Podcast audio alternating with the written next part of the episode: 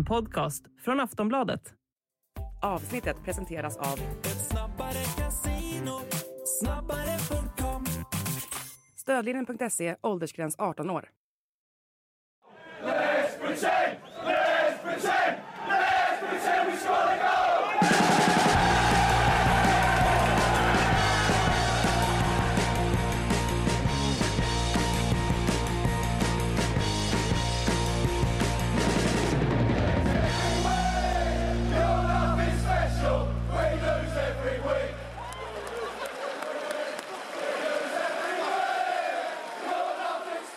Sportbladets Premier League-podd. Vi ska inte prata så mycket Premier League just idag kanske. Det har ju spelats FA-cup och det är ett eh, transferfönster som håller på att ta slut. Vi ska ägna oss åt de två gymnastiska övningarna tänkte jag här idag. Eh, Makoto är med mig i studion, Patrik Syk heter jag. Jag får ibland kritik från min egen redaktion att jag aldrig säger vad jag heter. och, så, och, så, tänker... och så går det några avsnitt där du inte säger och sen så kommer du på det ibland plötsligt där och påminner, vad Patrik Syk heter jag. ja, så är det. Och Frida Fagerlund som vanligt med från London, ja. eh, som har varit ute och tagit del av allt det här vi pratar om. Vi sitter ju bara här och, och, och liksom eh, pratar om saker vi inte begriper oss på. Frida finns ju mitt i smeten som en, en hörnsten skulle jag vilja säga i här vi pratar om.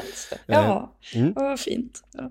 Eh, och vi, eh, vi får väl börja med den här fjärde omgångens riktiga höjdarmöte. Det som väl många ser som en, eh, litet, en generalrepetition inför seriefinalen som kommer här mellan Manchester City och Arsenal på Etihad. Det var Manchester City som gick segrande ur den matchen till slut, men det var jämnt. Jag hoppas ju dock att seriefinalen blir betydligt mycket roligare än genrepet i sånt fall. Om vi har lärt oss någonting så vet vi att seriefinaler aldrig blir nej, roligare nej, så, än så här. Ja. Eh, det är bara att titta på de senaste årens möten mellan Liverpool och Manchester City, de har ju alltid varit astråkiga. Va? Eh, ja. Tycker du? vid, vid något undantag, men det har ju alltid varit ganska så här tillknäppt och... De gillar och... varandra för mycket, det är det som är problemet. Men de har för mycket respekt för varandra. Och det har de ju här också i och för sig. Mm, det blir det som är grejen. Ja. Men men, det var ändå en hel del eh, liksom skott på, liksom, inte på mål kanske, men, eh, men eh, en hel del ganska fin fotboll eh, om man bortser från eh, de allra hetaste målchanserna som kanske utblev. Ja, nej men grejen är ju hur ska man se på den här matchen? Det var ju väldigt, den var ju väldigt upphypad på förhand. Och mm. nej, absolut, den levde inte upp till det, men det berodde ju också mycket på att det kändes som att båda de här lagen, ja, självklart vill man vinna och gå vidare i FA-cupen, men samtidigt så tror jag inte att Mikael Arteta gråter floder över att Arsenal inte lyckades göra det. Det såg man ju inte minst på hans startelva, att han ändå, ja, han spelar Rob Holding och eh, Trossard får starta och ja, Turner inte minst i, i mål, så att jag vet inte, jag tycker ändå att just det här att man liksom vilar Martin Ödegård som är kapten och det indikerar ju ändå att det här inte är det, vikt det är inte det viktigaste i världen när man leder Premier League. Och med det som bakgrund så tycker jag ändå att Arsenal alltså gör en, gör en liksom bra match. I första halvlek är de ju, är de ju med, sen växlar ju City upp lite grann där i andra halvleken och så får de det där målet till slut. Och ja, Holding hade det jobbigt mot Håland. Det är väl kanske ingen, eh, ingen rättvis duell egentligen. Men ja, som sagt, jag, jag tror lite grann att det Arteta förmodligen är mest missnöjd med är väl hur det här målet kommer till. Att Arsenal på något sätt slår av lite grann på takten, tappar fokus. Och det är ju någonting som definitivt inte får hända när de möts i, i ligan. Det är ju inte särskilt lång tid kvar tills de gör det. Ehm, I övrigt så, ja, lite oroväckande bilder. Det här med att Thomas Partey, att han eh, tvingades kliva av, men det verkar väl ha varit en säkerhetsåtgärd snarare än att det skulle vara en, en svårare skada. Så att det är väl lugnande besked för att när Lokonga kom på, han har ju haft det ganska jobbigt Lokonga de senaste veckorna. Eh, inte minst då med det här klippet som cirkulerade som jag vet Makoto nämnde i, i podden förra veckan, det här med när Enketia säger åt Lokonga att han inte ska gnälla så mycket på att han inte får speltid. Och sen så nu så kommer han in och gör en rätt så halvdan insats där Martin Ödegård får frispel på honom vid ett tillfälle där han på något sätt helt släpper en yta och Gündogan eh, kan kliva in i den och då tvingas Ödegård tackla Gündogan och dra på sig en frispark och han var ju fullständigt vansinnig. Var på då Lokonga bara stormar ut i tunneln eh, utan att tacka de tillresta supportrarna. Så att nu har många supportrar vänt sig mot honom också. Så att han har inte lätt just nu Lokonga och han verkar inte riktigt förstå sina uppgifter i den där rollen på mittfältet. Och det är ju, ja, det är ju kanske inte eh, det som Mateta ville se då. Om det nu skulle vara så att man får ja, att Partey drar på sig en, en, skada. Nu verkar det inte som att det har hänt nu, men vi vet ju att han har haft problem med skador tidigare. Så det är inte jättekonstigt att Arsenal går så hårt nu för Moises Caicedo. Det verkar väl inte som att det blir av. Det verkar väl som att Brighton vill behålla honom eller att de vägrar sälja honom. Men hur som helst så, eh, ja, jag, jag tror att med en ordinarie startelva Eh, för Arsenals del så blir den här matchen betydligt roligare. Samtidigt så var det skönt för dem att de inte förlorade med mer, att de inte helt kollapsade, för det kan ju också hända mot Man City och det tror jag inte hade varit bra rent mentalt. Men nu blir det väl lite så här att ja, okej okay, fine, vi förlorade, men ja, det kommer fler matcher, viktigare matcher i ligan. Mm. Och det har ju också faktiskt kommit eh, varit intresse från framförallt eh, Monaco på just Lokonga och det är ju inte i ett, i ett läge där Arsenal såklart är, är är speciellt sugna på att sälja en utav de spelarna som faktiskt är tänkt att eh, täcka upp för Partey om det är så att han skulle försvinna eh, eller bli skadad. Men det säger någonting om att Lokonga har en agent som är ute och hör sig för Eh, Eh, i Europa? Finns det ett intresse? Finns det en möjlighet för min spelare att han kanske själv eh, letar speltid på andra ställen? Det brukar vara sånt som gör att den här typen av rykten uppstår. Eh, där det sägs ju till och med att Monaco ska ha lagt ett bud då på, på Lokonga som Arsenal har nobbat. Men då pratar vi inte lånebud då? Alltså för, för ett lån för Lokonga hade ju varit rim, alltså inte rimligt för Arsenals truppläge idag när El är skadad och borta ett tag och och du har det ganska tunt på just den positionen. Det ska ju just bli, alltså vi kan väl komma in på Moises Caicedo här direkt egentligen att eh, det är uppenbart att Arsenal vill ha honom. Eh, det är mm. uppenbart att Brighton inte vill sälja honom. Mm. Eh, det är uppenbart att Caicedo vill till Arsenal.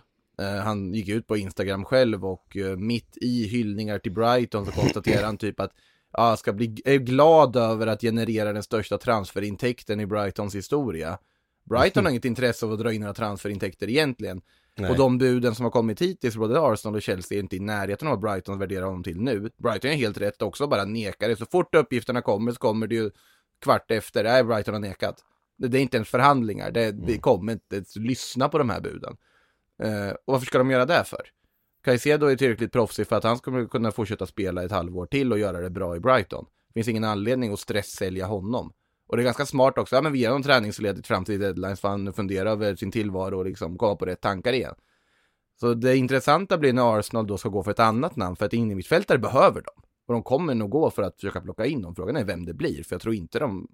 Om de inte bryter helt mot det där de har sättet de har agerat tidigare så tror jag inte att de kommer få Caicedo i alla fall. Och man såg ju också faktiskt i Brightons möte med Liverpool som vi också kommer in på lite senare mm. att ja visst, alltså Brighton är väldigt duktiga på att ersätta spelare och de är ju lite sådär, det handlar ju mer om kollektivet och att de är eh, väldigt bra som lag snarare än att någon enskild en individ sticker ut. Men det syntes ändå att det blir ju på något sätt ett hål efter mm. Caicedo och därför kan man också förstå varför Brighton inte vill sälja i det här läget. Plus att jag kan känna lite att, ja men alla konkurrenter, nu ska de hela tiden köpa Brightons bästa spelare. Varför ser de inte själva till att ha en liknande värvningsstrategi från första början som Brighton har? Det här med att de förlitar sig så mycket på data och, och eh, eh, jag vet att när de värvade eh, Yassin nu så hade de ju Alltså de scoutar ju hela, hela Yasins liv i stort sett. Alltså hur han är som människa, de tar reda på vad, vad föräldrarna jobbar med. Alltså det är in på detaljnivå med allt. Och absolut, jag fattar ju att andra klubbar också har en, en, en väldigt noggrann struktur när det kommer till värvningar. Men jag tror inte att det är många klubbar som har en lika noggrann struktur som, som Brighton. Alltså Brentford har ju ett liknande system, det här med att man förlitar sig mycket på data. Men jag tror att en kombination av de två, alltså där, där har du på något sätt ja, men segerreceptet för att få till en sån typ av värvningsstruktur som Brighton nu har fått till. Så att jag tycker, jag tycker att många av de här klubbarna som sliter deras spelare kanske ska se över sin egen verksamhet. Inte i Arsenals fall såklart, de har ju ändå eh, lyckats ganska bra får man säga och leder Premier League. Men det finns andra exempel där man känner att ja, Hust, Chelsea Hust, att eh, de kanske borde se över sin egen verksamhet först innan man ja, drar i, sliter i deras spelare. Nej men alltså Caicedo var ju inte direkt helt okänd när Brighton värvade honom. Värvade Nej, honom men alltså, United strun... vill ju ha honom. Ja, och det var ju liksom struntsummor som det handlade, i sammanhanget struntsummor.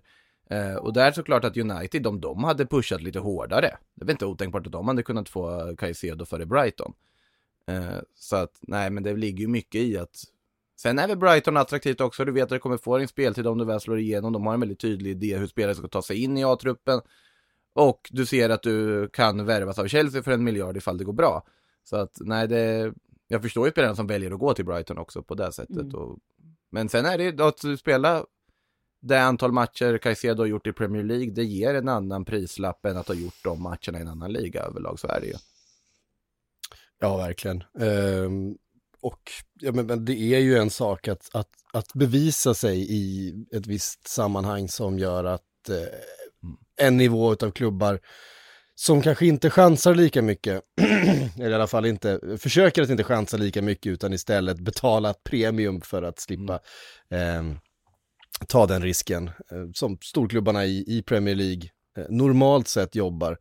Eh, man kan ta en chansning kanske på en billig tonåring men eh, en spelare som ändå kräver viss övergångspeng och viss lön och, eh, och sådär, då, då, då släpper man ofta till en, eh, en konkurrent i, lite längre ner i tabellen och sen så är man beredd att, att betala en ett betydligt högre övergångssumma sen om pratar, det väl finns ja. liksom någon slags garanti på det. Och ur Arsenal och Chelseas perspektiv så pratar vi redan överpriser sett till vad Caicedo hittills har hunnit visa ja. och vad han har på CV.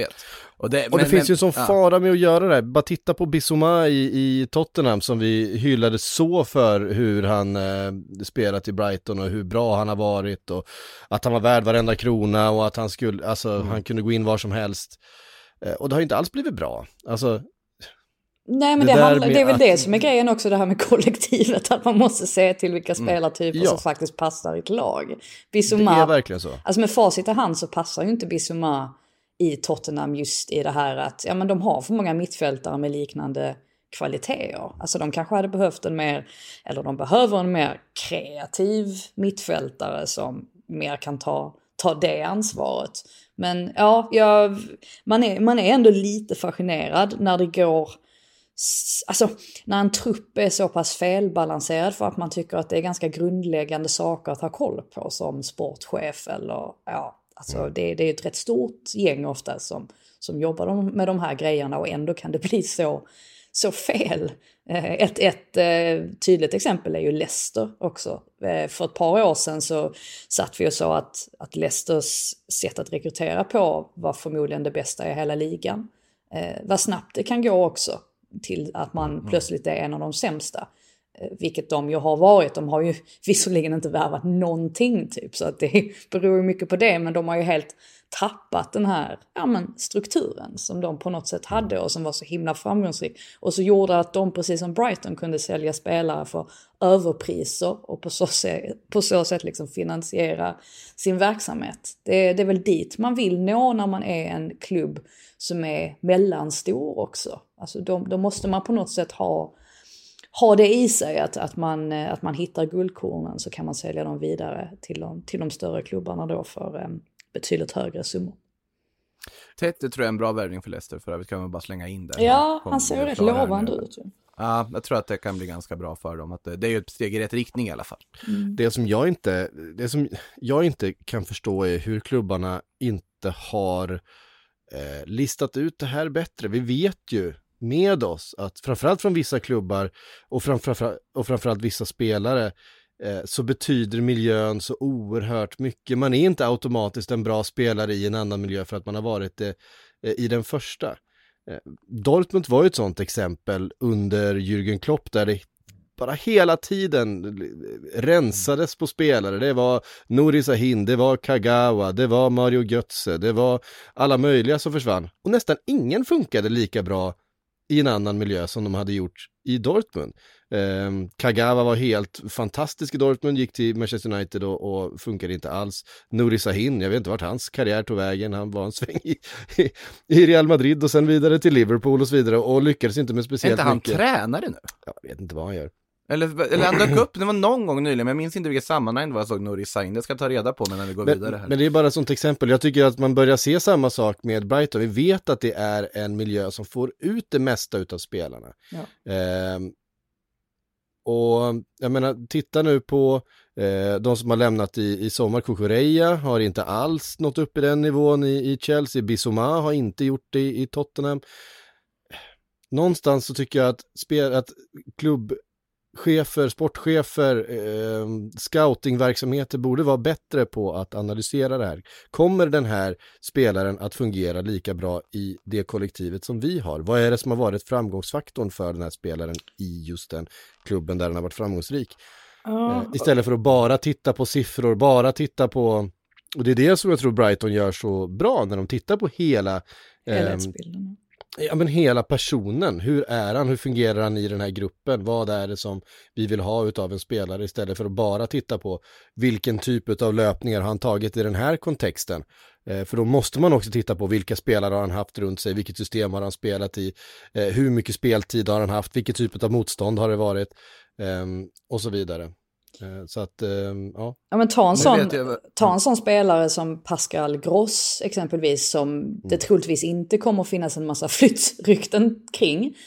Han har ju ändå på något sätt varit en av Brightons viktigaste spelare den här säsongen. Just det här med att han, han kan spela högerback och sen så nu gick han in och, och ersatte Caicedo på centrala mittfältet. Alltså en, en sån, det visar ju också att man behöver ju mer än bara stjärnor på varje position. Man behöver ju de spelarna också som förstår systemet till 110 procent och kan leverera där man behöver att de levererar. Så det, är, det är så mycket i ett lag som, som ska fungera för att liksom helhets, helhetsbilden ska fungera. Och jag tycker Arsenal är ett bra exempel på det också, där de verkligen har fått ihop alltså sin startelva framförallt. Alltså en startelva som är liksom stark på alla, alla positioner, men där kanske vissa spelare, alltså hade man tagit dem liksom individuellt så, så kanske man på något sätt inte hade värderat dem lika högt, men som kollektiv så är de verkligen alltså ett av världens bästa lag.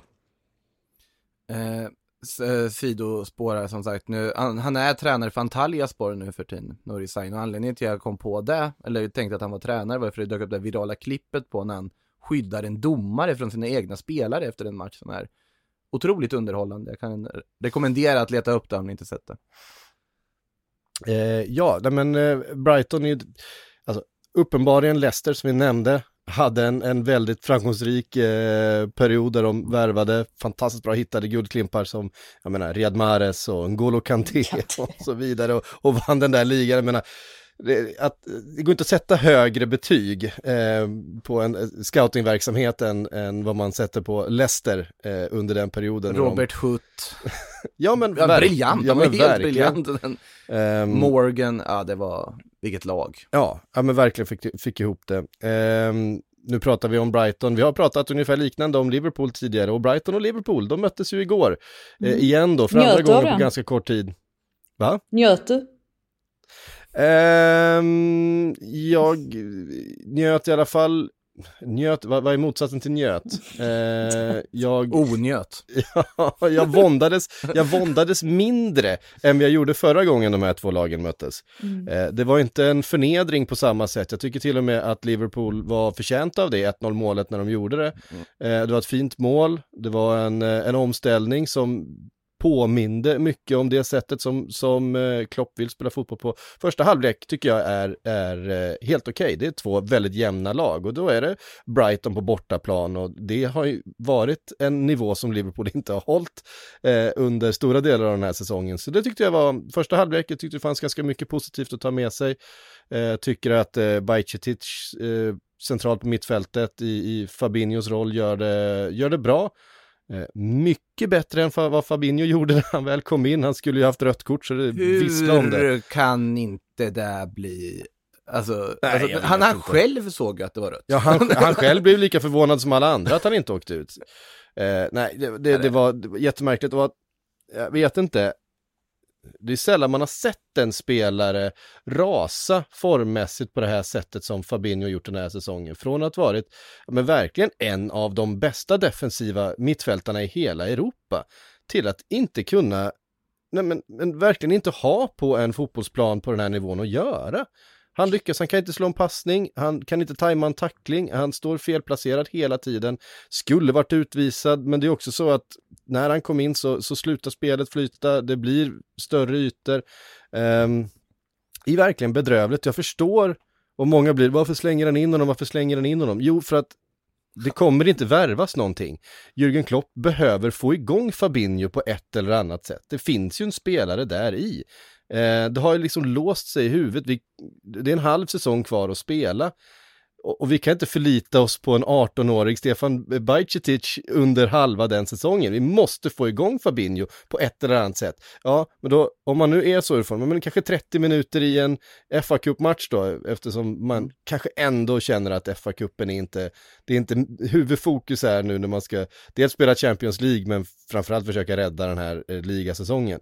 Eh, så jag, jag, tycker inte det var fel att slänga in Fabinho, men, men man han, blir ju förfärad när han man kom väl in i 84 84 ja, han, kom, ja, han fick inte alls så mycket spel. Nej, han var, på, han, han, var på plan i två minuter innan han tog det. Ja, det kändes som en halvtimme. Det kändes som en halvtimme. Man har aldrig sett någon se så skyldig ut som när han gjorde den tacklingen och den ja. minen direkt efter bara nej, vad har jag gjort? Aj, det, var, det, var många som, det var många som kritiserade att han byttes in överhuvudtaget, men jag menar det bara... Ju, det är lätt alltså, att göra i efterhand. Klopp, Klopp fick ju, alltså han fick ju inte ut så mycket av de bytena. Jag tyckte ändå att ja, men Liverpool kändes, ja men precis som du säger, att ja, men det känns ändå som de har någonting på gång här.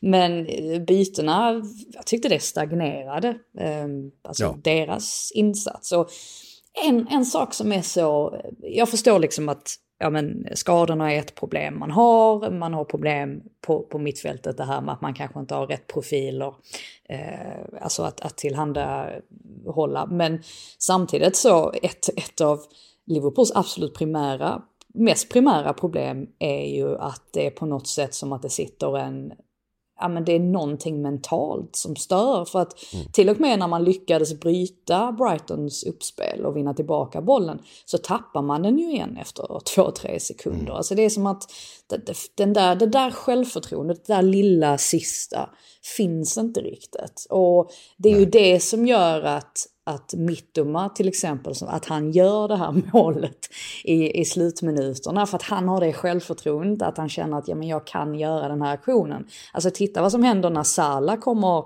en mot en med målvakten nu för tiden. Alltså han, han sätter ju aldrig en boll Nej. längre. Och för några år sedan så var det en ren självklarhet att han, att han liksom satte alla sådana chanser. Så det, det är någonting som stör helt klart, alltså på ett psykologiskt ja. plan för Liverpools del just nu.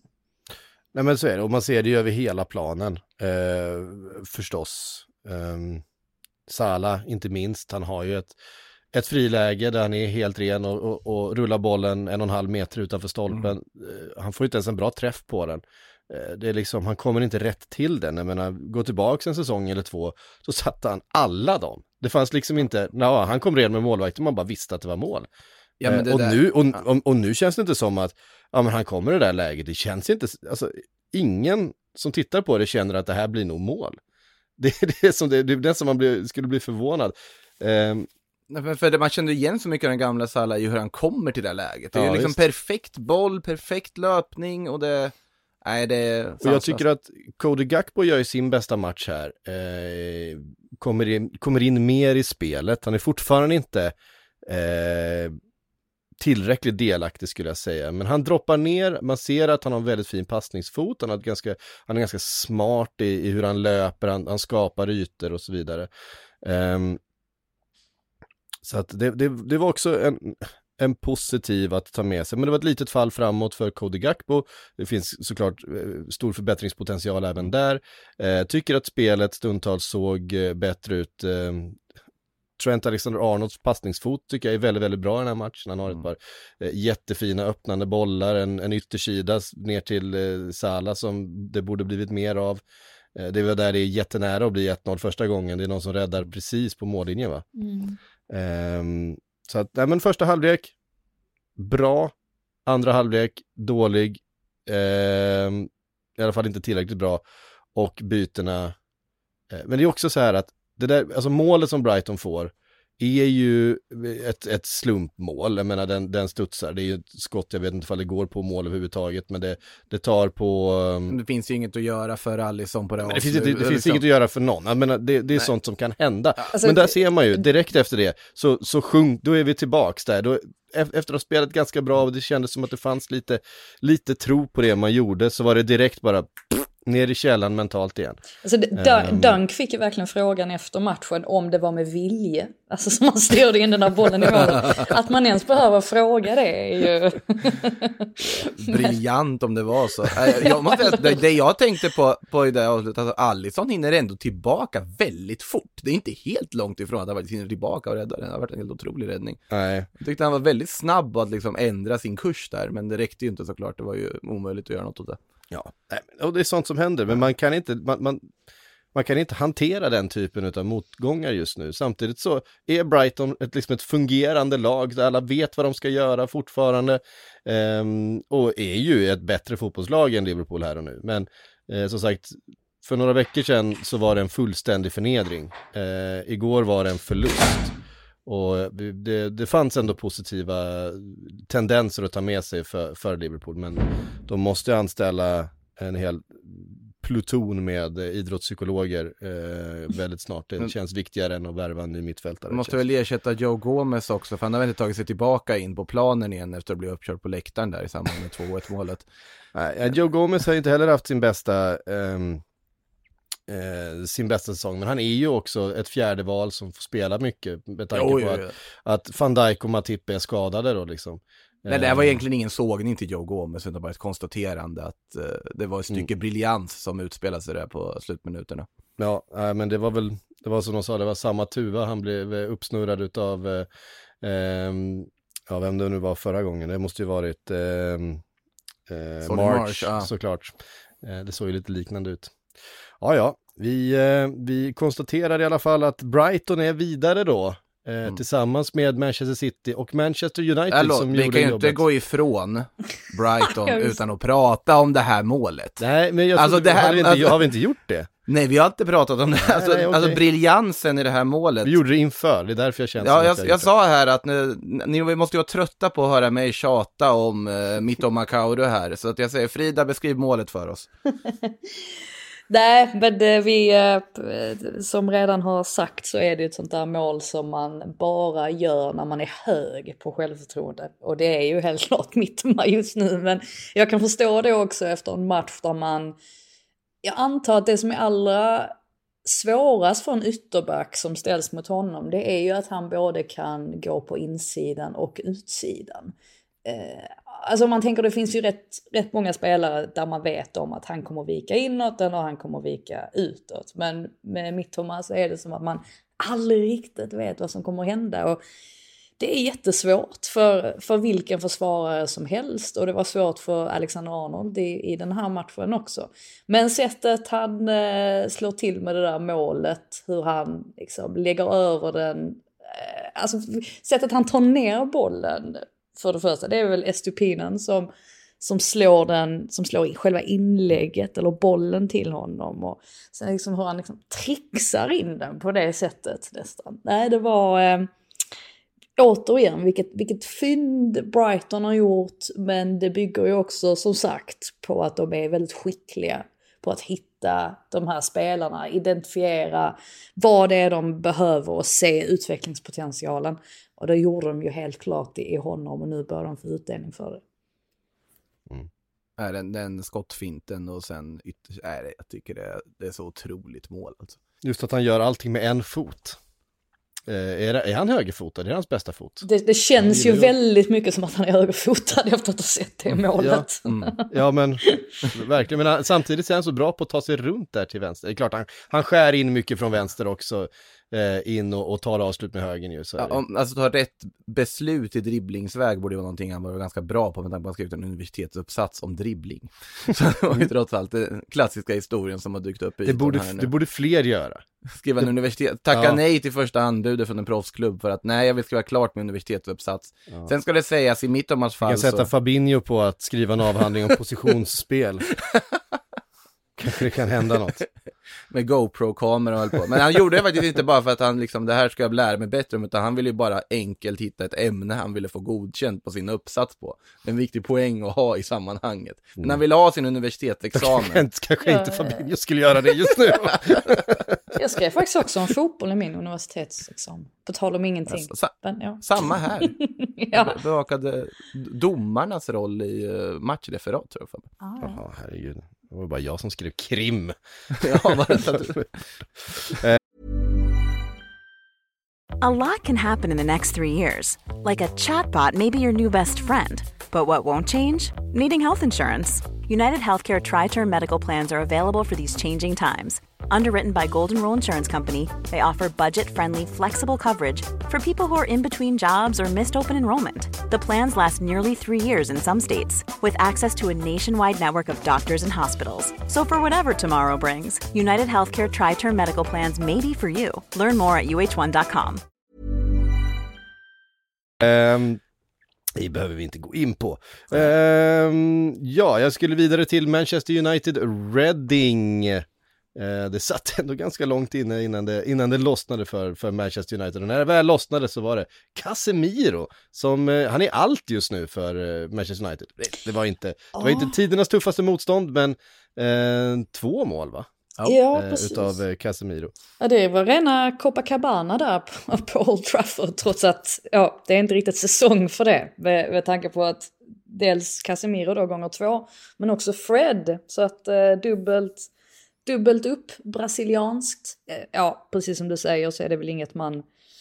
Man kan inte, man kan inte dra så, så mycket slutsatser av en seger i, i den här matchen med just det här motståndet. Men det är väl skönt ändå för Man United att det går åt rätt håll. Eh, dessutom trots att Marcus Rashford inte gjorde mål i den här matchen. Ofattbart med tanke på hans eh, facit de senaste veckorna. Eh, men eh, ja, det är job done. Så kan man väl summera det. Mm. Nej, det, det är väl också skönt att även Premier League-publiken får påminnas om att Casemiro har fler strängar på sin lyra. Alltså det var ju någonting man märkte under tiden i Madrid, att i början så var han ju mer det här cementblocket som bara täckte allting och lät Modric och Kroos sköta det liksom på mittfältet. Sen la han ju på nya saker på sin repertoar konstant, att plötsligt tyckte man, ja men han har ett ganska bra skott och ja men han är ganska bra på att bryta in i boxen på de här liksom andra vågslöpningarna, men han är ganska bra på huvudet, han är ju en väldigt komplett innermittfältare och det det liksom vore att göra en björntjänst och säga att han bara är någon sorts defensiv mittfältsankare. Han kan ju väldigt mycket mer. Sen har han väl gjort väldigt mycket mål och mycket offensiva poäng i United. Man kanske inte förväntar sig att han skulle göra på det här sättet, men det är ju en överlag på alla sätt och vis en fantastisk eh, mittfältare, så är det ju. Han är ju på väg lite grann att bli en legend nu, alltså på, på ganska så kort tid. Jag skrattade eh, lite åt det, för jag vet inte om ni såg att Wayne Rooneys äldsta son tog en bild med Marcus Rashford i helgen och så skrev han bildtexten legend. Och jag kände att Ja, alltså din pappa är ju en legend, Wayne Rooney, men Marcus Rashford, han är ju ändå några år ifrån att vara en legend. Ja. Eller en legendar som man kanske säger. Eh, Men Ja. Casemiro, jag bara tänker med tanke på hans ålder och sådär. Alltså han har ju ändå, han kommer ju hinna bli en, en legendar. eh, Om han håller i den här eh, formen nu som han har visat. För att han, han, för supportrarna blir det ju verkligen en sån spelare som man det är, svårt att inte älska honom på något sätt. Han, när han är sådär på alla fronter och han visar så mycket hjärta också som man kanske inte hade trott att han skulle göra. Det måste vara jobbigt för pappa Rooney där när han försöker förklara för sin son liksom att jag var ganska duktig. det. Ja, just det pappa, självklart. Ja, har du sett Marcus Rashford eller? Ja, men ska man jämföra deras legacies i detta nu i Man United så har Rashford har en del och, och ja, en del att jobba på så att säga för att nå upp till Rooneys nivå. Tyder på, tyder på sunt föräldraskap i och för sig. Att, liksom. Ja, Ja. det är nästan så att man i, ibland kan jag tycka att man, att man, man glömmer lite hur, hur extremt bra Wayne Rooney faktiskt Han var under, under sina bästa säsonger, alltså en av världens bästa fotbollsspelare. Det var liksom eh, helt, när han var som bäst var han ju helt otrolig. Han gjorde ju Ja. faktiskt, han gjorde ju Cristiano bra också. Det är det man, det är det man måste komma ihåg, alltså utan, utan Rooney så, ja alltså Cristiano Ronaldo hade ändå blivit en bra fotbollsspelare, det är inte det, men jag tror nog att Rooney har fått lite för lite cred för, för de första säsongerna där, som eh, Ronaldo gjorde i Premier League. Och att han var så fruktansvärt bra så tidigt i livet. Eh, Det var en av de roligaste eventen, det var en intervju med, med Wayne Rooney där han fick frågan om sin första tid när han klev upp i A-laget i Everton. Och han var då 15 kanske, nyss fyllda 16 sådär. Eh, och han hade då varit ute, han var ju ganska kaxig. ung, ung, ung man på den tiden och, och Ja. lite stökig och lite sådär. Lite stökig, Ehm, ja. Mm. Ja, ja, jo, ganska stökig var han.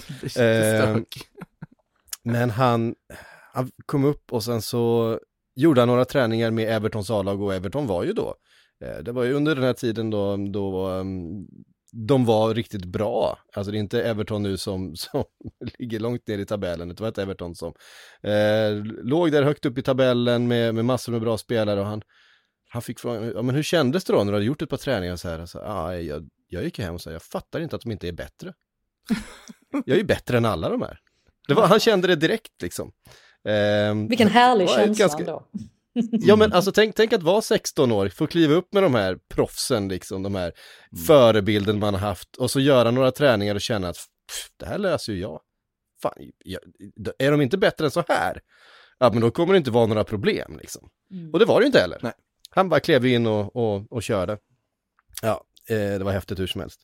Ehm, vidare från åttondelsfinalen har vi också Tottenham, där en viss Arnaud Danjuma klev in och gjorde mål i sin eh, debutmatch då efter att Heung-Min Son hade eh, punkterat eh, bortamatchen mot Preston.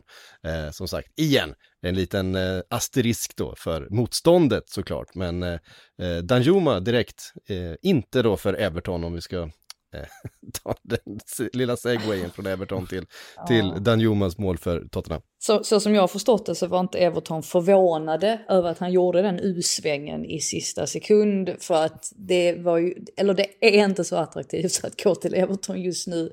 Det var det framförallt inte då i det läget för att då visste man ju inte ens Ska Frank Lampard, blir han kvar eller kommer han lämna? Nu ser det väl ut som att Sean Dyche kommer in i, i Everton. Jag tror det blir bra. Alltså det, jag gillar Det ändå jag den den, eh, den anställningen i så fall. Men ja, den Juve hamnade i Tottenham istället och jag tror att det är väldigt bra för Tottenham. Ja, eh, just det här med att man, som i den här matchen, kunde vila Harry Kane och Son gör mål.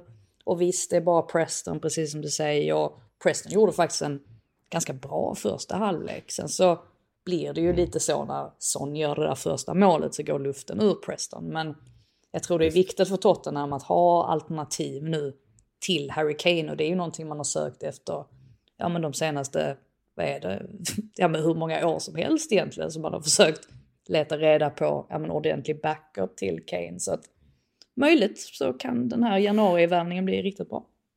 Ivan Perisic som central striker. Ja. Nej men alltså jag tycker, jag tycker, jag tycker, bara trött ja, men jag tycker om Ivan Perisic, men en central striker vill jag väl kanske inte se honom så. Jag tycker väl i och för sig inte Danjuma på central striker egentligen heller, jag ser honom som en lite annan typ. Men det har inte funkat när de har försökt att plocka in mer Harry Kane-liknande Harry Kane-komplement heller. Jag tänker på brassen Vinicius och då inte den Vinicius som eh, dribblar runt i Real Madrid utan den resliga Vinicius som aldrig blev någonting.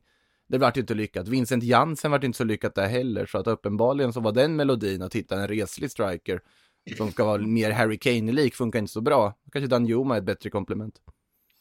Ja, uppenbarligen eh, har han ju med sig målform i alla fall för att det, det, det har ju någonting att göra mål i sin, sin debut såklart. Vi får väl se hur det blir med högerbacken den nya de ska få in nu, för nu verkar ju Pedro Porro-affären ha kraschat. I alla fall när vi Mm. pratar här. På att Sporting ska ha ändrat sig i sista sekund. Eh, Pedro Porro sa ju farväl till Sporting-fansen i samband med ligacupfinalen i Portugal här i helgen. Eh, skulle göra medical och allting i Mm. London här nu dagen före, dagen före dopparedagen jag på att säga. Eh, dagen före deadline då. Men eh, då ska Sporting ha ändrat lite i sina krav och kanske inte riktigt följa den muntliga överenskommelse som tidigare gjorts. Så vi får väl se om de hittar en lösning innan eh, transfer deadline.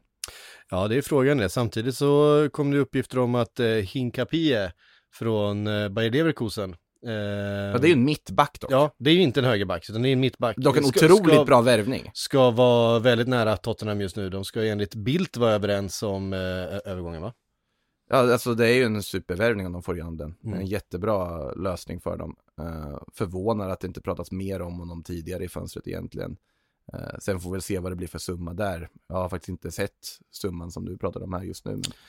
Ja, men det verkar i alla fall som att Tottenham har lagt ett, eh, ska vi kalla det ett skambud på Hinkapie. Det får han Eh, inte för 25 miljoner euro. Mm. Och nu pratar vi en ekvadoriansk landslagsman som bevisat mer i den ekvadorianska landslagströjan än viss Moises Caicedo som är värderad till ganska mycket mer. Mm. Eh, och dessutom är ungefär samma ålder.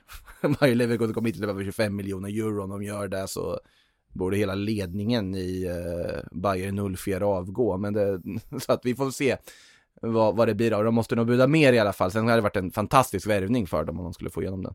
Det är ändå intressant att de har eh, gett sig in i det här nu med en dag kvar. De känner väl kanske ändå att det, eh, de gör ett försök för det. Men det var Eh, ett lyckat koncept eh, förra vinterfönstret att eh, bara göra allting i sista sekund. När Paratici hade bränt alla försök han har gjort och vi gör några värvningar i 30 dagar.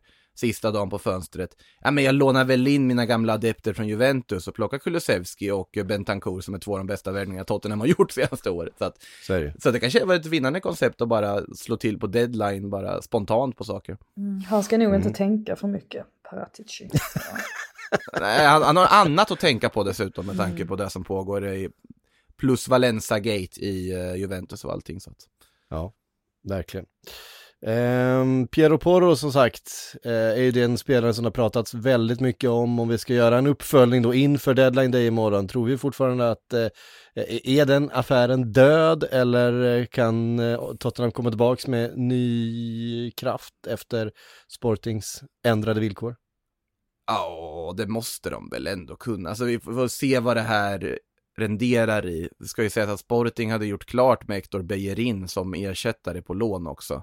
Mer eller mindre klart i alla fall. Barca är väl redo att släppa honom, men Bellerin har inte alls kommit in i Barca-tröjan eh, överhuvudtaget. Så att jag tror väl att de kommer hitta en lösning i förr eller senare. Men Jag tror att, eh, men vi får se. Det är som sagt, det är ändå anmärkningsvärt att Sporting ändrar sina krav i sista sekund för Pedro Porro här så att eh, och sen också, jag vet att vi har varit inne på den här värvningen förut, Sillypodden och sånt. Tottenham värvar liksom högerback efter högerback, alla har ungefär samma profil. Bara satsa på en. Jag vet inte om Pedro Porro är lösningen på alla deras problem. Det är absolut en väldigt skicklig offensiv högerback som har ju väldigt många poäng. Men det var Doherty när han kom, det var Emerson Royal när han kom, det var Jed Spence när han kom och sen, kanske också till och med drar innan fönstret stänger. Så att jag vet inte riktigt. Ja, men de är ju lite olika de, alla de spelarna. Du precis. Jo, men de, de prickar, det, det blir lite ändå att kommer Tottenham bli så mycket bättre med Pedro Porro som högerback? Kanske de blir.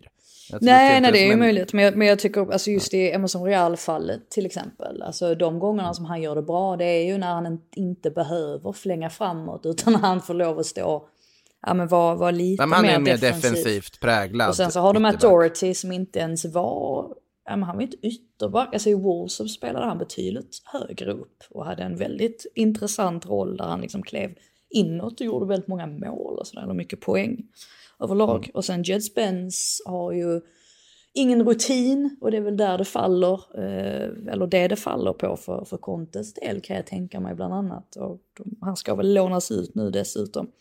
Eh, är, väl, är väl planen, eller att Mm. man vill, vill att han ska lånas ut för att få mer speltid. Så att det är ju på något sätt, alltså även om eh, jag förstår vad du menar i att alla är, det är liksom ingen som sticker ut direkt, så, så är ju alla har olika kvaliteter på något sätt. Vi har, vi har faktiskt en match som inte har spelats än så länge, det är den mellan Derby och West Ham som spelas ikväll då i fjärde omgången i FA-cupen. Vi har en hel del, Ja. vi har en hel del matcher som har gått till omspel, inte minst då Wrexham Sheffield United igår kväll. 3-3 till slut eh, efter sent, sent mål av John Egan eh, som eh, ledde till det här omspelet. Wrexham fortsätter att eh, överraska. Tänk om de hade tagit sig vidare. Eh, det var ju lite synd egentligen att de inte lyckades eh, till slut, men, men drama blev det Frida. Ja, verkligen. Jag eh, var så påverkad av den här matchen att jag i natt drömde att jag såg på den här matchen med, fast Ben Tozer var liksom med mig på läktaren och Glenn Strömberg, det var vi tre. eh, så så, så pass, eh, ja, det gjorde, den här matchen gjorde ett starkt intryck på mig, så, så mycket kan man säga. Och faktiskt Ben Tozers inkast, eh, som dessutom ledde fram till ja, men första kvitteringen måste det ha varit. Alltså hans inkast är ju, det är på en, det på en annan nivå. Alltså han kastar, alltså han kastar så långt, det är helt, eh, helt osannolikt. Eh, nej, så att eh, det blir ju verkligt drama här, speciellt i, i andra halvlek där han hade liksom svängde fram och tillbaka. Ryan Reynolds såg ut, såg ut som att han skulle tuppa av vid något tillfälle på, på läktaren för att han var, han var helt galen. Och det blev ju kanske inget så här Hollywood slut på så sätt att Sheffield United kvitterar så att den här matchen kommer gå till omspel. Men Ja. eh, ja, Reynolds var, han var rätt nöjd ändå på något sätt. Alltså han tyckte att detta var en av de starkaste upplevelserna han hade haft på, på väldigt länge. Och de har ju som mål att de vill gå till Premier League inom tio år eller om tio år ungefär. Eh, och än så länge så har det ju betalat av sig att de har investerat i, i klubben. Och eh, man får ju komma ihåg att det här är ett non-League-lag. Så att de än spelar 3-3 mot eh, Sheffield United är ju faktiskt väldigt starkt. Eh, lär väl bli lite, lite tuffare för dem nu i, i nästa, nästa gång de möts. Men nej, kul att se ändå. Det man märker på dem är också att det är ju inte några Hollywoodare som bara gått omkring och gör, gör vad som helst. De tar ju ändå hjälp av folk som, de, som har koll på den här världen som de själva fattar att de inte har koll på. Alltså Ryan Reynolds och Rob McEnany har ju inte koll själva på det här liksom. Nej. Så att, men de har ju tagit bra rådgivning och det är så man värvar en spelare som Paul Mullin som de plockar in och gjort det bra. Nej, det blir väldigt spännande att följa. Nej, de har väl aldrig gått in i det här med, med någon slags för, liksom förvirring om att de skulle kunna driva den här klubben rent eh, sportsligt. Utan det får ju någon annan sköta såklart. Och Mm.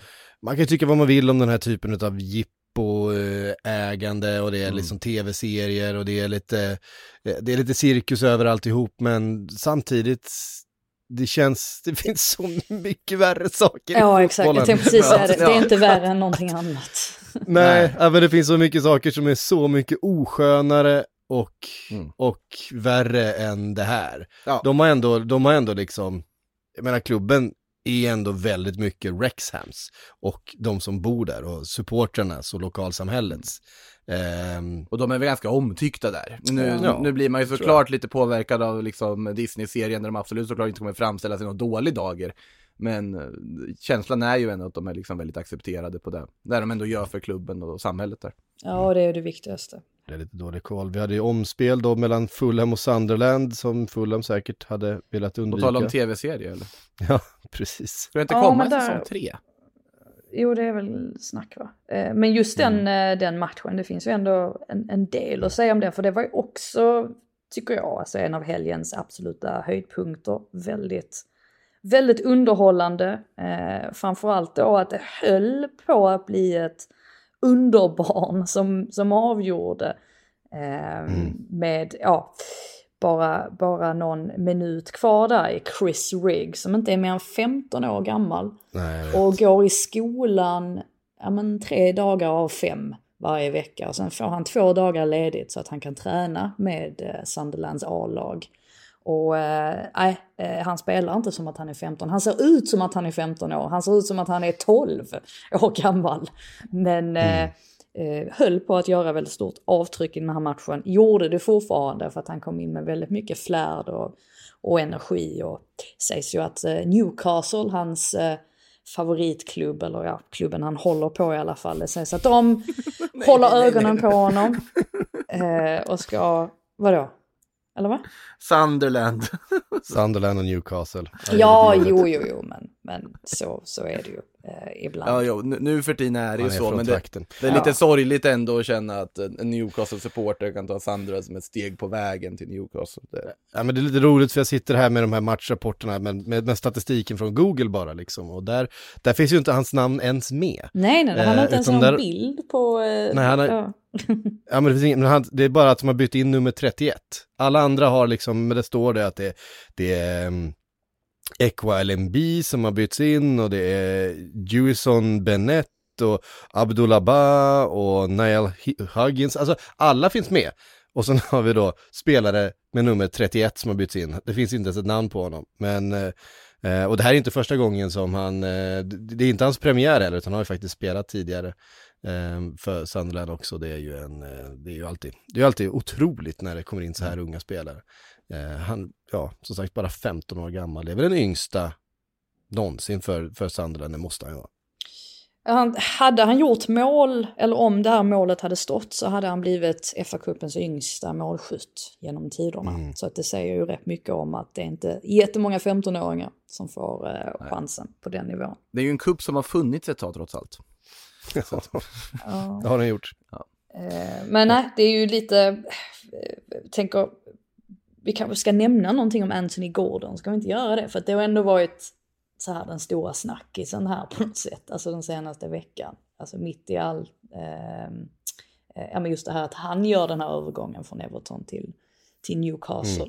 Och eh, har väckt väldigt mycket uppmärksamhet eftersom att han träningsvägrade eller han dök inte upp på träningarna. Och, och eh, sen så eh, har han skrivit på för Newcastle och så sitter han och säger att eh, han hoppas att, ja, men att supportrarna, att ingen tar, att ingen Everton-supporter tog illa vid sig. Men det är ju på något sätt, det här var ju spelaren som, ja, alltså en av få saker att vara stolt över som Everton-supporter i dagsläget. Att man hade fått fram Anthony Gordon och sen slutade på det här sättet.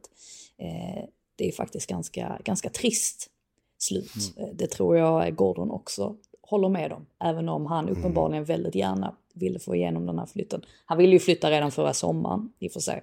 Till Chelsea då. Eh, Men det var ju Thomas Tuchel som ville ha honom i det läget. Så det kanske var lika bra att det inte blev någonting då. Å andra sidan hade ju nu, eh, Everton fått betydligt bättre betalt om man hade sålt honom i det läget istället för nu. Men det är ju fortfarande en rejäl övergångssumma för en spelare som, ja han är väldigt lovande och så, men han har ju inte visat jättemycket än så länge. Han har ju ändå en del att eh, leva upp till nu. En ganska ja, hög prislapp att leva upp till. ja, och sen så här, alltså, jag, tajmingen alltså på att då börja träningsväg i ett läge där Everton är där de är som egenfostrad 21-åring från staden. Eh, jag vill tro att det är väldigt dålig rådgivning eh, som ligger bakom det här också till viss del, att det inte bara är hans vilja som styr att han gör det. För att jag, han, han är inte mer än så 21 osymp- år.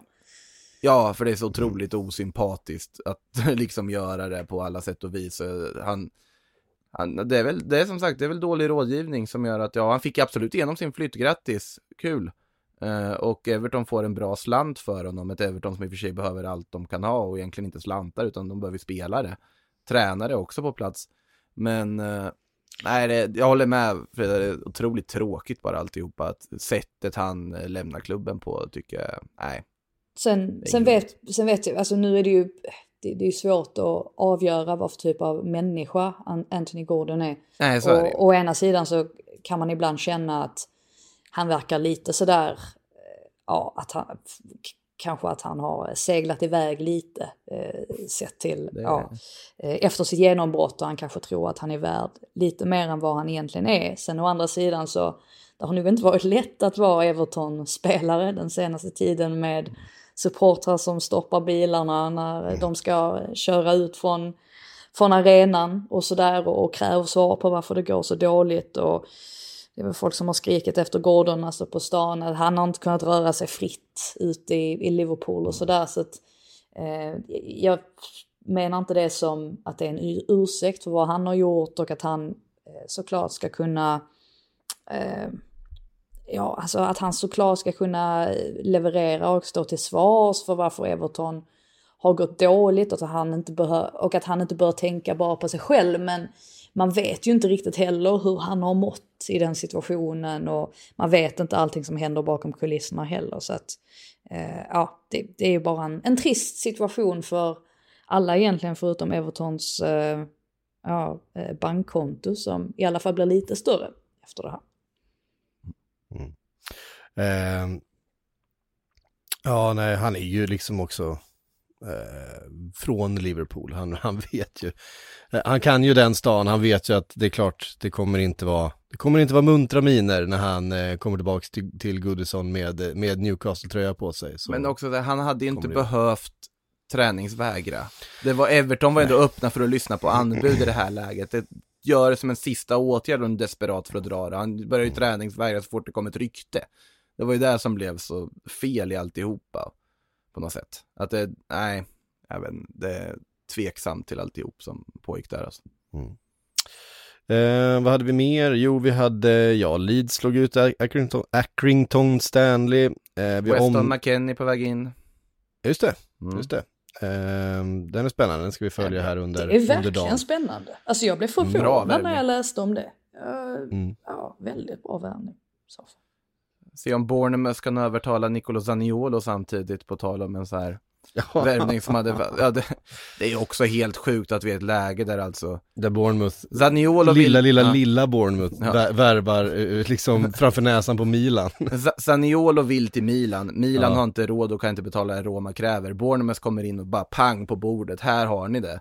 Roma vill skicka honom till Bournemouth, Zaniolo vill inte till Bournemouth istället för Milan. Nej. Eh, och det har slutat med bara total polemik där, men eh, ja, vi får väl se. Han kommer ju inte tas tillbaka till nåder och Mourinho verkar det ju som i alla fall. Så att, där är ju en situation att följa också inför slutspurten. Eh, ja, alltså Mourinho har ju... Ja, men förstå Bournemouth plockar där. Zaniolo, det, nej. Mourinho har, Det har ju tappat det lite också det här med att han gick ut och sa, eller tydligen att hans, ja, eh, vad man nu än kallar dem, hans agent eller eh, ja, vad det nu än är, hans team hade kontaktat Mm. Chelsea och, och meddelat att ja, men Mourinho är intresserad eh, om, eh, om ni skulle ha behov av en tränare.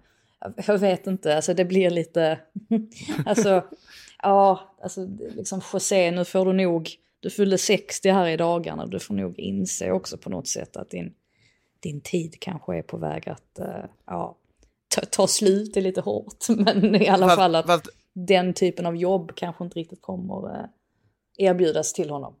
Ehm, Alltså Roma är ju perfekta miljön just nu. Han är ju jätteomtyckt och verkar, liksom, han fick ju hela truppen att ställa upp ett lagfoto efter en förlust i omklädningsrummet där senast. Ja, Måste vara att det lagfotot, det var ju bara en signal för att visa Saniolo att han inte har eh, följt upp till de orden han valde att feta, typ var det team, spirit och performance. Sen Eh, gillar det han ju, alltså han, han älskar ju Premier League och han har ju sin fru och sitt, Mm. eh, sina barn i, i London också. Så att det, jag, jag tror att det är mer det som, som lockar att han tycker att det är väldigt kul att jobba i Premier League. Som är anledningen till att han vill bort från Italien i så fall. Men eh, ja, man vet aldrig. West Ham-jobbet kanske blir tillgängligt. Inte omöjligt. Var Everton någonsin intresserade? Jag har inte hört någonting om det faktiskt. Det har ju bara varit Bielsa och Daesh egentligen som man har, man har hört eh, i det fallet. Men, Bielsa var väl ändå på ett möte där också? Ja, men det, det roliga är att Ja. Bielsa ska ju sagt att han ska varit intresserad av att ta över U23 fram till sommaren för att, eh, för att lägga grunden för ett helt nytt lag. ja, han var ju lite orolig då att, att nuvarande Everton-truppen, att de inte hade, att de inte ja, var löpstarka nog för att kunna Nej, spela utifrån hans filosofi. Och det kan man hålla med om att det är de nog inte. Nej. Ja, vi får se om Daesh. Daesh eh, lite mer, eh, ja vad ska man säga, li, li, lite mer eh, pragmatiska fotboll. Om den Det fungerar bra. man, det man, de är ju verkligen inte samma profil. Det- det Nej, alltså Bielsa är ju lite mer risktagande än eh, Sean Dyche. Där handlar det mer om att täppa till på ett helt annat sätt. Men det hade ju varit, det hade ju, det hade ju ändå varit magiskt med Sean Dyche tar över A-laget och Bielsa Bielsa, tar över. Bielsa har U23. Och så tittar man på deras CV och är så här, förlåt? Ja, hade ju inte heller gått på något sätt. Jag menar hur skulle de, de hade ju gått, i clinch direkt. Alltså om Bielsa hade haft Ja. en vision för klubben och sen så Sean Dyche en annan, jag vet inte. Känns inte Jag som att det förstår hade inte hur funkat de helt bra. hade kunnat kommunicera med varandra. Just det, Frida, vad säger du om Duncan Ferguson till Forest Green då? Det är Ja, också konstigt. kikade faktiskt på eh, lite på deras matcher eh, senast, eller på highlights eh, från, eh, från matchen. De föll ju snöpligt, de hade ledningen fram till, ja men var tre minuter kvar. Eh, och sen så, eh, ja, förlorade de, förlorade de i alla fall mot Shrewsbury. Eh, så att Duncan var ju inte helt nöjd efter det, men det absolut roligaste med den här anställningen, det är ju när han står med ägaren Dale Vince i samband med presentationen. Och han som filmar den här intervjun, plötsligt håller han fram en tallrik med två alltså veganska burgare. Och så frågar han Duncan om, ja men har du testat vegansk mat någon gång eller så äter du mycket veganskt då? Då säger liksom Ferguson att nej nej det har jag aldrig gjort. Eh, och han kramar man på, ah, okej, ja, men du behöver inte äta de här nu men tycker du att de ser bra ut? Ja, ja de ser, de ser goda ut. Alltså det, jag vet inte, det är... Det, det, Jag vet, det är det är inte som riktigt bara- så här handen i handsken, alltså det är Nej, inte det man nej. känner. Men å andra sidan så, jag, alltså, han ska ju sköta det som händer på planen så att han behöver inte bry sig om det andra egentligen. Det kan Dale Vince koncentrera sig på men lite, lite kul ändå. det, är någonting, ja, det, är, det är ju någonting med Force Green som ska vara lite woke, som ska vara lite hipster och som ska vara grönt och ha liksom andra. Och så, kom, och så, och så kommer Duncan Ferguson in. Alla jävla neandertalare liksom. Det gick ju inte jättebra för stackars Ian Birchnell som ju är gamla, gamla Östersundstränare. Det var ju han som nej, fick sparken och fick flytta på sig så att Duncan skulle kunna gå. Gillar också att jag, att jag vill använda förnamnet, att jag vill vara på förnamnsnivå med eh, Duncan. Men det, det känns rätt på något sätt. Ja, men det, det vill ju alla Han är va? ju Big Dunk, det är Ja, ju bara som exakt, det är. Exakt. Ja, det, det, är ju, det, det är Duncan, det är inget annat där. Eh, nej, nej, det, är en, det är en så otroligt rolig eh, kontrast, alltså alltihopa. Sen kanske Duncan Ferguson egentligen har andra sidor som vi inte känner till, men det, kan, det blir väldigt spännande i alla fall. Ja, ja, men det är som den här gamla, gamla storyn med Jimmy Bullard som är så otroligt mycket Duncan Ferguson. Att, när Jimmy Bullard, eh, jag tror han under tiden han spelade i Wolves möjligtvis, eh, eller Hall var det nog. Hall, ja. Mm. Annat orange lag. Ja, precis. Eh, står på planen och möter Everton. Duncan Ferguson bara sopar till någon av eh, ehm, eh, Bullards lagkamrater i, i magen och Bullard står och tittar på honom som att han kan inte liksom riktigt ta in, vad är det här för jävla dåre, vem gör så? så han bara står och flinar. Och sen Jimmy Bullard är, som, är ju som han är och, och framförallt som han var, han sa på skoj liksom sådär, går fram till Duncan Ferguson som då blir utvisad såklart och bara, ja, vi ses i spelargången sen och gör upp va. Varpå eh, Duncan Ferguson inte ska ha uppfattat ironin i det här och stå, stått och väntat på Jimmy Bullard när han ska gå ut, så att lagkamrater till honom får gå ut och förklara för Duncan Ferguson, nej, han skojade bara, han kommer inte komma ut och slåss med dig efter matchen. Det är alltså den Duncan Ferguson som nu har tagit över Forest Green. Eh, det är härligt. Vi, eh, vi eh, måste knyta ihop här, vi ska kasta in eh, någon fråga. Eh, Kevin undrar, tror ni att Citys vinst har stor betydelse eh, sett till Premier League-matcherna mot Arsenal? Nej. Kan det, få, kan det få en psykologisk effekt att de, att de vann den här matchen? Nej, det tror jag inte. Och jag tror det är, alltså, tror det handlar mycket om att de inte körde över Arsenal i den här matchen. Jag tror att Arsenal har, har vunnit Eh, mer på det. Att de lyckades hålla nere siffrorna och att de inte var helt utspelade trots att de bytte ut ett par ordinarie spelare. Så att jag tror faktiskt inte att, att detta blir ett särskilt stort psykologiskt övertag för Man City. Det hade kunnat bli, men eh, nej. Sen tror jag att Arsenal var nog rätt nöjda med, eller kändes lite grann som att Arteta inte riktigt ville gå för det i slutet. Att han nog inte ville ha omspel. En, en match mot eh, Man City räcker. Och att åka ur FA-cupen när man ligger etta i Premier League är ju inte hela världen trots allt. Alltså det betyder nog mer positivt för City än negativt för Arsenal. Det känns alltså de får segern, de toppar ändå laget i den här matchen och kör fullt och får med sig avancemanget och slår serieledarna. Det tror jag ändå betyder mycket för City att ändå få in de här vinsterna och bara rulla på så att för dem kan det nog betyda en del. Men jag tror inte att det någon extrem stor effekt och de här stora matcherna lever ju sina egna liv så att säga oavsett lite. Så. Fått frågan ifrån eh, Urban Westerberg. Gå igenom alla Evertons nyförvärv om ni hinner. Vilka då? Ja. Ja, det pratas lite grann om Ryan Fraser eh, faktiskt eh, inför imorgon. Men är det där vi ska hamna? Det verkar ju inte Eh. bli, eh, verkar ju inte bli någon eh, Anthony Elanga i alla fall. Nej, Så mycket kan Nej. jag säga. Säger väl en del om hur illa ställt det är i Everton att United eh, tvivlar på att skicka honom på lån till Everton för det känns inte som en särskilt givande miljö att komma till i dagsläget. Mm. Det, det ligger väl något i det. Eh, och det är väl positivt att United ändå tänker så när de ska låna ut sina, sina spelare tycker jag, vart, och funderar verkligen vart ska han gå för att faktiskt kunna utvecklas vidare och sånt. Det finns en sån tanke. Eh, nej, jag vet inte riktigt vad Everton ska hitta på. De behöver ju göra saker i alla fall. Det råder ju ingen tvekan om den saken. Frågan är Det är inte så mycket tid kvar nu. Alltså man, Nej, men de, de har ju kunnat eh, lösa en två värvningar på deadline förr. Så att vi får se vad de, vad de nystar ihop. Mm. Ja, än så länge så är det väl bara eh, spelare ut, vad jag kan säga. De har väl inte värvat någon. Det var ju Danjuma som var på väg då, som vände i, vände i dörren. Eh, och sen så har ju då Anthony Gordon lämnat eh, och eh, några talanger. Gyökeres ryktas väl lite om nu. ja, Igen. exakt. Att Sean Dyche, att han ska vara en beundrare då av Gyökeres. Och det är ju inget Mm. överraskande. Alltså Everton har ju kopplats ihop med Gyökeres tidigare.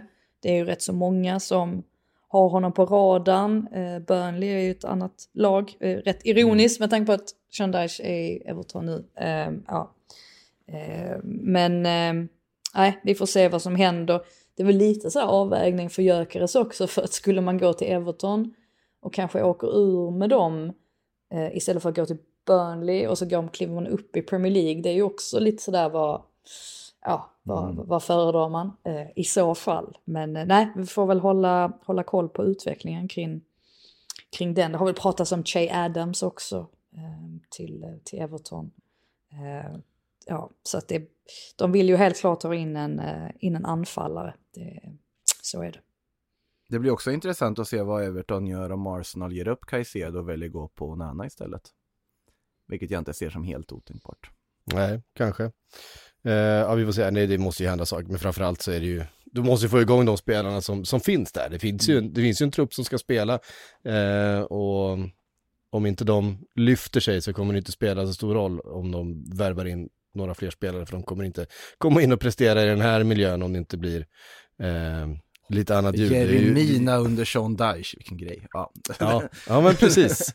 Jag tror på Sean Dyche. Jag, jag, man vet vad man får och jag, jag tror också att det är väldigt viktigt för spelarna att de, att de vet, för att här kommer komma in någonting som kommer, en tränare som kommer vara väldigt tydlig, Eh, vi kommer få roller och vi ska hålla oss till dem. Sean Dyche har gjort eh, fantastiska resultat med väldigt små resurser med Burnley under jättemånga år. Ehm, Undrar vad Dwight McNeil tänker. det är inte, ja men det, ja, nej. En spelare som har spelat med, eh, med, eh, vad ska man säga, vissa, vissa restriktioner i sitt spel under Sean Dyche under många år. Han eh, har inte varit så speciellt framgångsrik i, Everton här under den här säsongen får man ändå säga. Ehm, Mm. Alltså de, ja precis, alltså, det är ju särskilt det där med yttrarna får ju en liten annan roll i Dyches system, att de ska ligga lite mer centralt. Alltså det handlar ju på något sätt hela tiden om att packa ihop det. Alltså särskilt sista där med, det är ju också en, en, en länk där mellan Tarkovsky och eh, Tarkovsky, Tarkovsky och eh, Sean Dyche. Att de också känner varandra väldigt väl. Men Tarkovsky vet ju vad, eh, vad Dyche vill ha alltså av, ett, eh, av ett försvar. Och det är ju att man ska vara så kompakta där nere som möjligt. Och det är väl exakt det Everton behöver i nuläget. Om man bara ska se till att Ja. hålla sig kvar. och exakt det som Frank Lampard egentligen aldrig lyckats med i sin, i sin eh, tränarkarriär, att få det där, ett riktigt, riktigt kompakt försvar att fungera. Jag såg i och för sig kompakt ut under hösten, ska vi komma ihåg. Problemet, fram, stora problem för Everton tycker jag är att de inte har någon offensiv. Det är där problemet ligger. Eh, så att jag är inte lika övertygad av Sean Dyche som ni är kanske ska sägas, men eh, vi får väl se. Vi får se. Hörrni, imorgon är det deadline day, då eh, kommer vi prata jättemycket mer fotboll under jättemånga timmar. Makoto, hur många timmar ska du sitta i tv-studion? Ja, det är väl de timmar vi sänder, så från a- 18 och fram efter midnatt där kommer man ju sitta och eh, prata fotboll. Det är Ja. trevligt. Ja, Det är du- alltid lika roligt varje gång. Och du kommer dyka upp på länk någon gång gissar jag Frida? Ja, jag tror det. Det verkar Lite så. fram och tillbaks. Eh, jag dyker upp där några timmar på slutet också. Eh, men det är, det, är, det är fullt ställ. Vi kör som vanligt hela, hela kvällen. Eh, Niva kommer vara där och kasta godis. Vi kommer prata lite allsvenskan. Vi kommer prata alla ligorna och förstås, men det är väldigt mycket England som det händer ju. Det är ju Ja. det är, Saniolo ska väl någonstans, om det blir Milan till slut eller ifall det faktiskt blir Bournemouth, det får vi väl se. Undrar om någon klubb som kan ge sig in i sista sekund, borde ändå fin- finnas klubbar som vore intresserade av det. Det är ju en bra fotbollsspelare. Han har inte varit jättebra sen efter skadorna, det ska sägas, men fortfarande, det är en väldigt bra fotbollsspelare så att Ja. eh, Nej, det blir väldigt, den situationen blir jag är intresserad av att följa i alla fall. Sen, sagt Arsenal ska ju ha in en mittfältare. Och jag undrar Mm. vem det blir. Ja. Och eh, sen har vi ju Chelseas jakt på Enzo Fernandes är ju inte heller Precis. över och den har vi Nej. inte ens pratat om här idag. Men eh, där kommer de ju, sägs det i alla fall, lägga in en offensiv, försöka få igenom den här rekordövergången trots allt. Mm. Eh, och de har ju redan värvat en högerback här nyligen i Malo Gusto, fast eh, han ska ju inte komma förrän sommaren så att Nej, De lär precis. väl inte försöka värva Reece James komplement nu, Nej. är tanken. Eh, och Nat Phillips till Galatasaray, det, där finns något som skär sig rent. jag vet inte vad det är, men det, jag vill ändå se bilderna på så här, Nat Phillips dyker upp på, på flygplatsen. Ja, precis, och det står så här hundratals galningar och, och, och ska hylla honom, så står alltså Nat Phillips på det. Jag vet inte, det, det har någonting. Det, det, har hoppas någonting. du på. Det, hop, det hoppas jag på. Eh, mest för, för kanske för hans skull. så Sen, sen. Elanga blir ju jättespännande att följa. Vad, Mm, om det verkligen. blir något lån och vart han i sånt fall hamnar. Jag tycker PSV Eindhoven-ryktet som dök upp lät väldigt bra för honom, måste Mm. jag säga. Ja, där finns det, borde det finnas plats nu i alla fall. De på- måste, få in, de måste ju få in någon och Ruud van Nistelrooy känner väl lite folk på Old Trafford ändå fortfarande. Det kan så man väl anta. Ja. Mm. Eh, mycket bra, men då ses vi och hörs vi imorgon, eh, Premier League-podden, annars tillbaks om en vecka igen. Vi hörs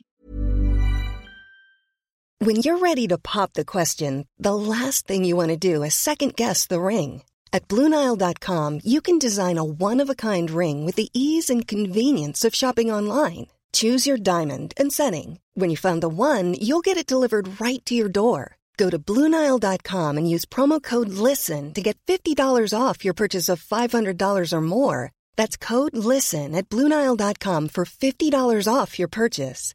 Bluenile.com code LISTEN.